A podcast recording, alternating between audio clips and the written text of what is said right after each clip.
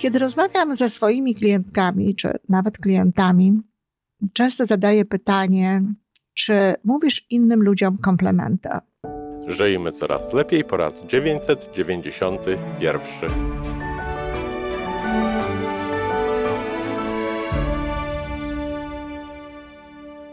Witamy w miejscu, gdzie wiedza i doświadczenie łączą się z pozytywną energią. Nazywam się Iwona Majska-Piołka. Jestem psychologiem transpersonalnym, wspierającym rozwój osobisty i duchowy. A ja nazywam się Tomek Kniat. Nie jestem psychologiem, jestem techniczny, jestem adeptem rozwoju osobistego, bardzo to lubię. Razem tworzymy podcast, właśnie ten, którego słuchanie powoduje, że naprawdę żyje się coraz lepiej. Wiemy to, bo tak nam mówią nasi słuchacze. Zapraszamy do wysłuchania kolejnego odcinka i mamy nadzieję, że nowe głosy dołączą do tych, że warto nas słuchać.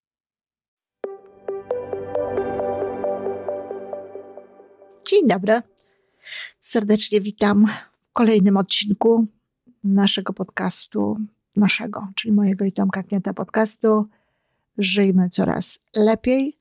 I dzisiaj kolejna wskazówka podpowiadająca nam, jak to nasze życie może stać się natychmiast lepsze. To już 17 z 20 wskazówek i mam nadzieję, bardzo bym chciała dostać takie opinie na ten temat, e, że wasze życie przez to naprawdę staje się coraz lepsze. Kiedy rozmawiam ze swoimi klientkami, czy nawet klientami, często zadaję pytanie, czy mówisz innym ludziom komplementy?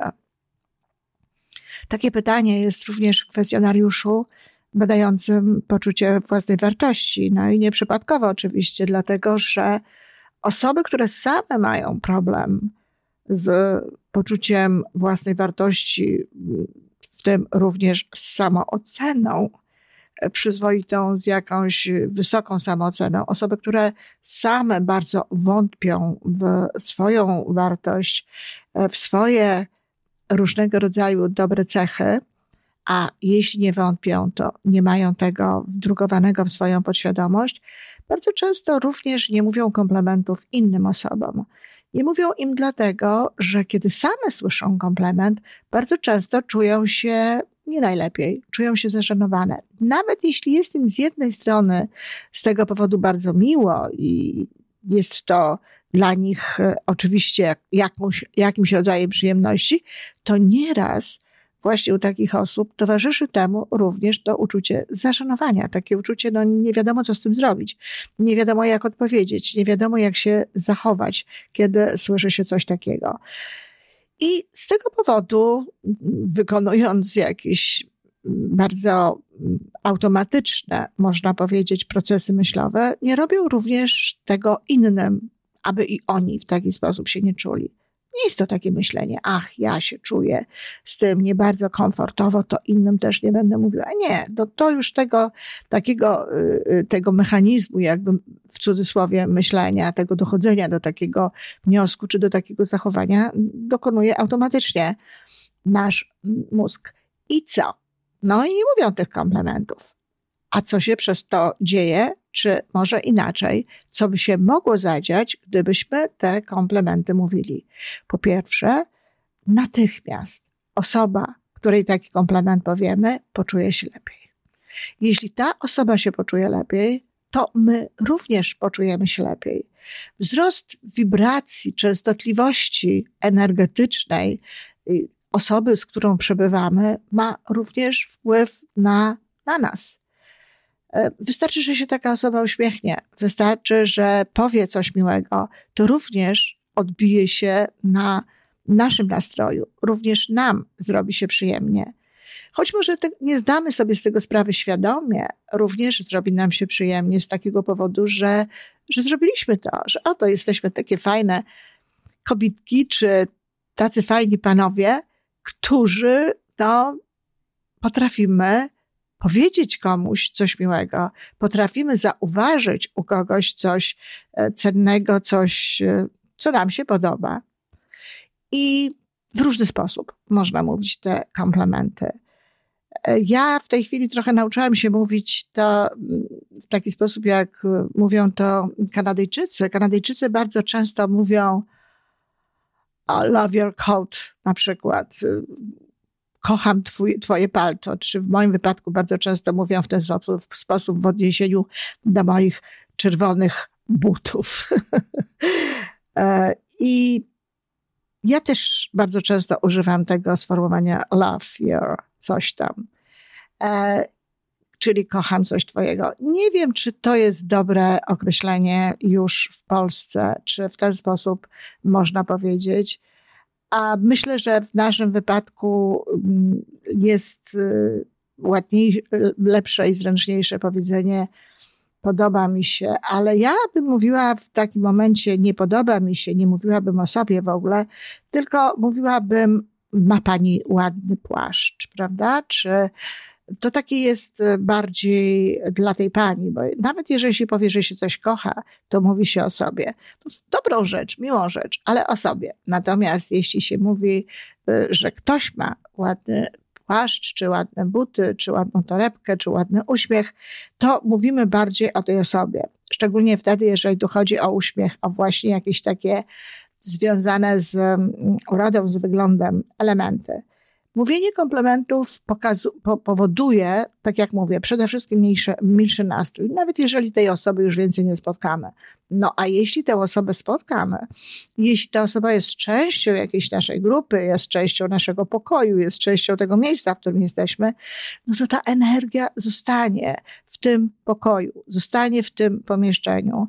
Od razu będzie milej. Może nie poczujemy tego natychmiast, ale będzie milej. Ponadto, jeśli my mówimy komplementy innym osobom, to one również otwierają się na mówienie komplementów nam. I przez to potem do naszej podświadomości wchodzą jakieś pozytywne informacje na własny temat.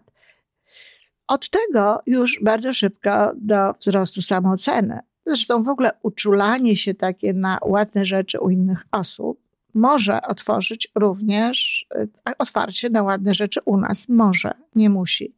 Bo jeśli ktoś jest na poziomie y, tej, tego, tej, tego swojego poczucia własnej wartości naprawdę w nie najlepszym punkcie, no to nie od razu to, to, się, to się tak zrobi, nie od razu to się otworzy.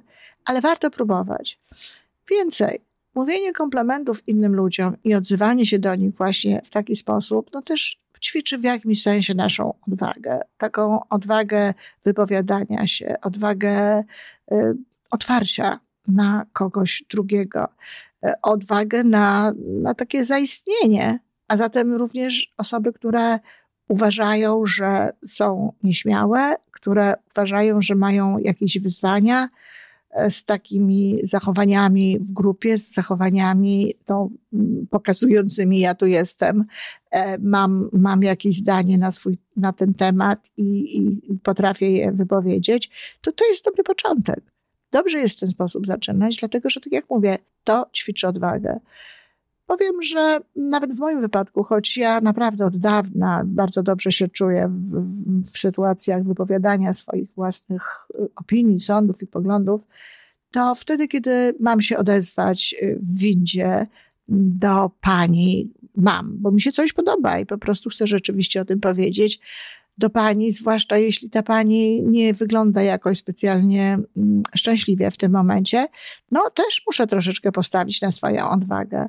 Nawet wczoraj tak miałam. Pani miała przepiękny, różowy płaszcz. No, gdybym miała 30 kilogramów e, mniej i pewnie też tych lat, bardzo chętnie bym go nosiła. Zresztą miałam w, swoim, w swoim czasie kiedyś bardzo podobny y, płaszczyk i też dostawałam bardzo dużo komplementów od różnych osób, ale pani miała twarz świadczącą o tym, że, że no nie jest jakaś specjalnie szczęśliwa.